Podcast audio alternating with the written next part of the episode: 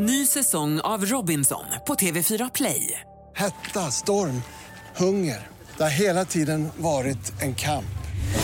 Nu är det blod och tårar. Fan händer just nu. Det. Detta är inte okej. Robinson 2024, nu fucking kör vi! Streama söndag på TV4 Play. Podplay.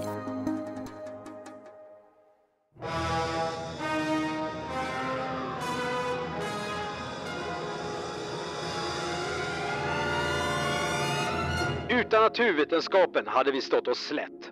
Tänk vad Marie Curie, Max Planck och Niels Bohr har åstadkommit. Vilka fantastiska resultat de har uppnått i sina laboratorier. Inte konstigt att Ragnar blir inspirerad av det. Men hans stora intresse för fysik och kemi ledde tyvärr inte till några framsteg för mänskligheten utan blev bara en motgång i tingsrätten. Det här är Misslyckade brott och i den reaktor som Podplay kallar studio sitter Andreas Utterström och Mattias Bergman.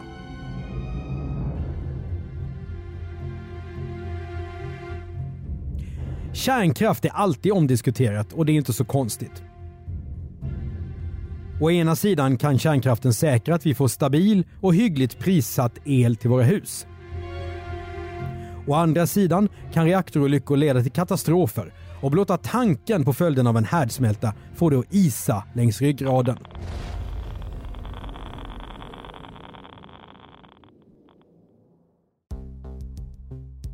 Och hur ska vi hantera kärnavfallet? Det går ju inte att gräva ner norr om huset hur som helst. Och dessutom ska det kunna förvaras i säkert hundratusentals år. Ja, atomkraft är skrämmande. Men det som är skrämmande, det är också fascinerande. Många är vi barn som fick leklådan Den lille kemisten i julklapp. Jaså, eh, pratar du, talar du egen sak här? Har, hade inte du den? Du hade inte den? Inget sånt överhuvudtaget i Utterströms eh, pojkrum kan jag säga. Okej. Men vem minns i så fall inte de valhänta laboratorierna i dragskåpet i skolsalen på högstadiet? Där läraren framställde knallgas men de flesta elever hellre experimenterade med hampa. Ja, intresset för kemi och fysik, det finns lite överallt och i alla åldrar. Var det inte en period där folk höll på att liksom göra så här bomber med salpetersyra och sånt där? Är inte det en högstadiegrej för kids på landet? Jo, men inte det minsta bra. Inte det minsta bra, ingenting jag själv har gjort kan jag bara säga. Det är inget recept som vi ska ge här i podden heller. Det är det inte. Eh, och min son som är 13 år hoppas jag håller sig borta från sånt. Intresset för naturvetenskap, ja det frodas såklart även i skånska Ängelholm. Här bor ungefär 30 000 invånare. Från Ängelholm kommer Lergökar, Robinson-Emma Andersson, hockeybröderna Jörgen och Kenny Jönsson samt den frejdiga slogan “Land och hav, liv och lust” vilken dessvärre visade sig upptagen när kommunen skulle införa den. Allt detta är Ängelholm känt för. Land av liv och lust. Det låter som en dagsåpa. Det skulle ju inte vara omöjligt att göra en hel podd om kommunslogan. Det ska också kunna vara någon slags Harlequin-serie. Istället för Flashback Forever så gör man kommunslogan Forever. Ja, Ett avsnitt per slogan. Ja. Detta är vad Ängelholm är känt för med andra ord. Fram till sommaren 2011 och då kommer vi in på Ragnar som vi kallar honom. Ragnar är 31 år och bor i en lägenhet i ett pittoreskt tvåvåningshus mitt i den charmiga lilla staden. Ragnar har en historik av psykisk ohälsa som han själv beskriver det. Därför har han försörjningsstöd och ingen heltidsverksamhet. Men han har inte svårt att fylla tiden av en mängd intressen. Och ett av dem är kemi. Nu är Ragnar dessvärre inte bara teoretiker utan gillar det här ämnet lite mer handgripligt. Han har berättat att han redan tidigt i livet höll på med experiment med svartkrut och flash powder. Vad är flash powder? Vill inte veta, vill inte tipsa. Men så här skriver han på sin blogg. Det blev ju en del bomber. Ja, så skriver han på sin blogg. Men som vuxen har Ragnar ställt in sig på att lära sig en lite mer specifik del av naturvetenskapen. Radioaktivitet. Precis som vilken forskare som helst är han helt enkelt nyfiken och nu får han dessvärre en otroligt dålig idé. Han tänker sig att han ska se om det går att bygga en kärnreaktor. Som ett privat Barsebäck hemma. Någon särskild baktanke har Ragnar inte. Som att få gå off-grid och få ut egen energi och billig el. Och framför allt vill han inte skada någon. Han har redan brännskadats en del av sina tidigare experiment, så han vet att det finns risker med sådana här övningar. Uh, jag får lite ont i magen här faktiskt. Det är ingen bra idé. Nej, det är det inte. För att hålla på med atomkraft måste man såklart få tag i ett radioaktivt ämne som radium. Grundämnet som Marie Curie upptäckte och fick ett av sina Nobelpris för. Radium, vilket atomnummer är det Andreas? 88. Ja, men det är bara för jag skrev det i Ja, manuset. jag erkänner. Radium är livsfarligt, men Ragnar vet sätt som man får tag på det här. I visarna som sitter på gamla klockor nämligen. Radium användes nämligen så förr, för det är självlysande så att man kan se hur mycket klockan är även på natten. Över tid samlar Ragnar på sig 12 stycken mycket gamla klockvisare som han köper på sig på nätet. Och precis som Marie Curie förvarade radioaktiva ämnen vid sängkanten så har Ragnar sina radioaktiva visare i en glasburk i en garderob i sovrummet. Dessutom får han tag på americium 241 som han macklar fram ur en mängd brandvarnare. Ja, det här, jag kan ju ingenting om det här. Det, kan jag säga, kemi och fysik och sånt, det var ju mina svagare ämnen i skolan. Men eh, den här glasburken, är det säkert att förvara, så att säga, läcker det inte ut ur den? Eh, Det kommer vi få veta sen, men eh, grundregeln här är väl don't do it at home. Don't Ja. do it anywhere. Nej. Ja. Eh, ja, vad hände sen då Mattias? Nej, men I väckarklockor och brandvarnare finns ju inga stora mängder av de här grundämnena. Det tar Ragnar ett par år på att samla på sig de mängder som han tycker sig behöva. Och förresten, lite uran får han tag på också, från Tyskland. ja, då har jag skrivit in så här i manus. Vet vi hur? Man blir ju nyfiken. Även om jag visste hur skulle jag inte berätta det i en podd. Eh, nej, men jag, vi får sväva i ovisshet. Du, du har ju rätt, vi ska inte tipsa andra, men eh, det finns ändå något intresseväckande här i att han lyckas få lite uran från Tyskland. Det är också roligt att det är Tyskland, jag vet inte varför. Nej, det har någonting. Det har någonting. Ny säsong av Robinson på TV4 Play. Hetta, storm, hunger. Det har hela tiden varit en kamp. Nu är det blod och tårar. liksom. Fan händer just nu. Det. är Detta inte okej. Robinson 2024, nu fucking kör vi! Streama söndag på TV4 Play. Poddtips från Podplay. I podden Något Kaiko garanterar östgötarna Brutti och jag, Davva, dig en stor dos skratt. Där följer jag pladask för köttätandet igen. Man är lite som en jävla vampyr. Man har fått lite blodsmak och då måste man ha mer. Udda spaningar, fängslande anekdoter och en och annan arg rant. Jag måste ha mitt kaffe på morgonen för annars är jag ingen trevlig människa. Då är du ingen trevlig människa, punkt. Något Kaiko, hör du på Podplay. Därför är gardinerna. Hur som helst, nu börjar det bli dags att utföra de här experimenten. Är det möjligt att det skulle gå att utvinna någon strålning ur de här ämnena? Det vill säga en klassisk liten kärnreaktion. Ragnar låter sitt kök av typiskt 90-talssnitt fungera som hans laboratorium. På elspisen under fläkten placerar han det radioaktiva materialet i en kastrull och hettar upp det tillsammans med saltsyra. Syran, som ju i sig inte är det minsta sund att hålla på med ska vi säga. Syran ska göra att ämnena blandar sig bättre. Frågan är om det går att utvinna neutroner på det här sättet då. Ragnar har skaffat en Geigermätare som inte tycks fungera ordentligt, men han uppmäter i alla fall en miljon becquerel. Han har på sig skyddsglasögon och handskar och tur är väl det, för resultatet av experimentet är en rejäl explosion på spisen. Det skvätter brett och kokkärlet och spisplattan blir förkolnade. Ragnar fotograferar förödelsen och skriver ett blogginlägg. Ett paket juice som har stått precis bredvid spisen, det kastar han ut. Men han klarar sig med liv och lem. Ja, det här kunde ju ha gått illa. Jag har sett fotona från förundersökningen på det här köket.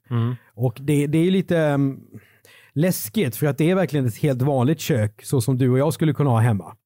Men det ser inte ut som ett.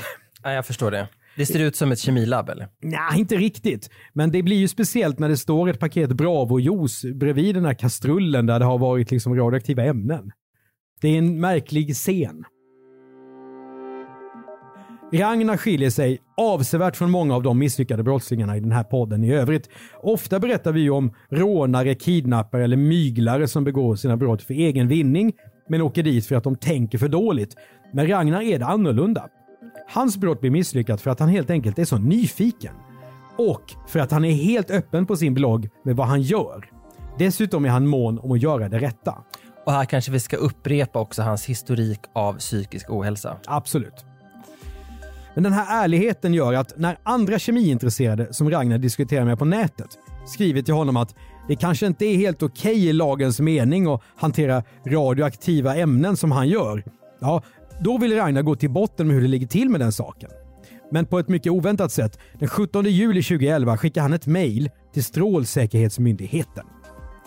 Ämnesraden är “Jag undrar om detta är lagligt...” Punkt, punkt, punkt. Och sen skriver han så här. Hej!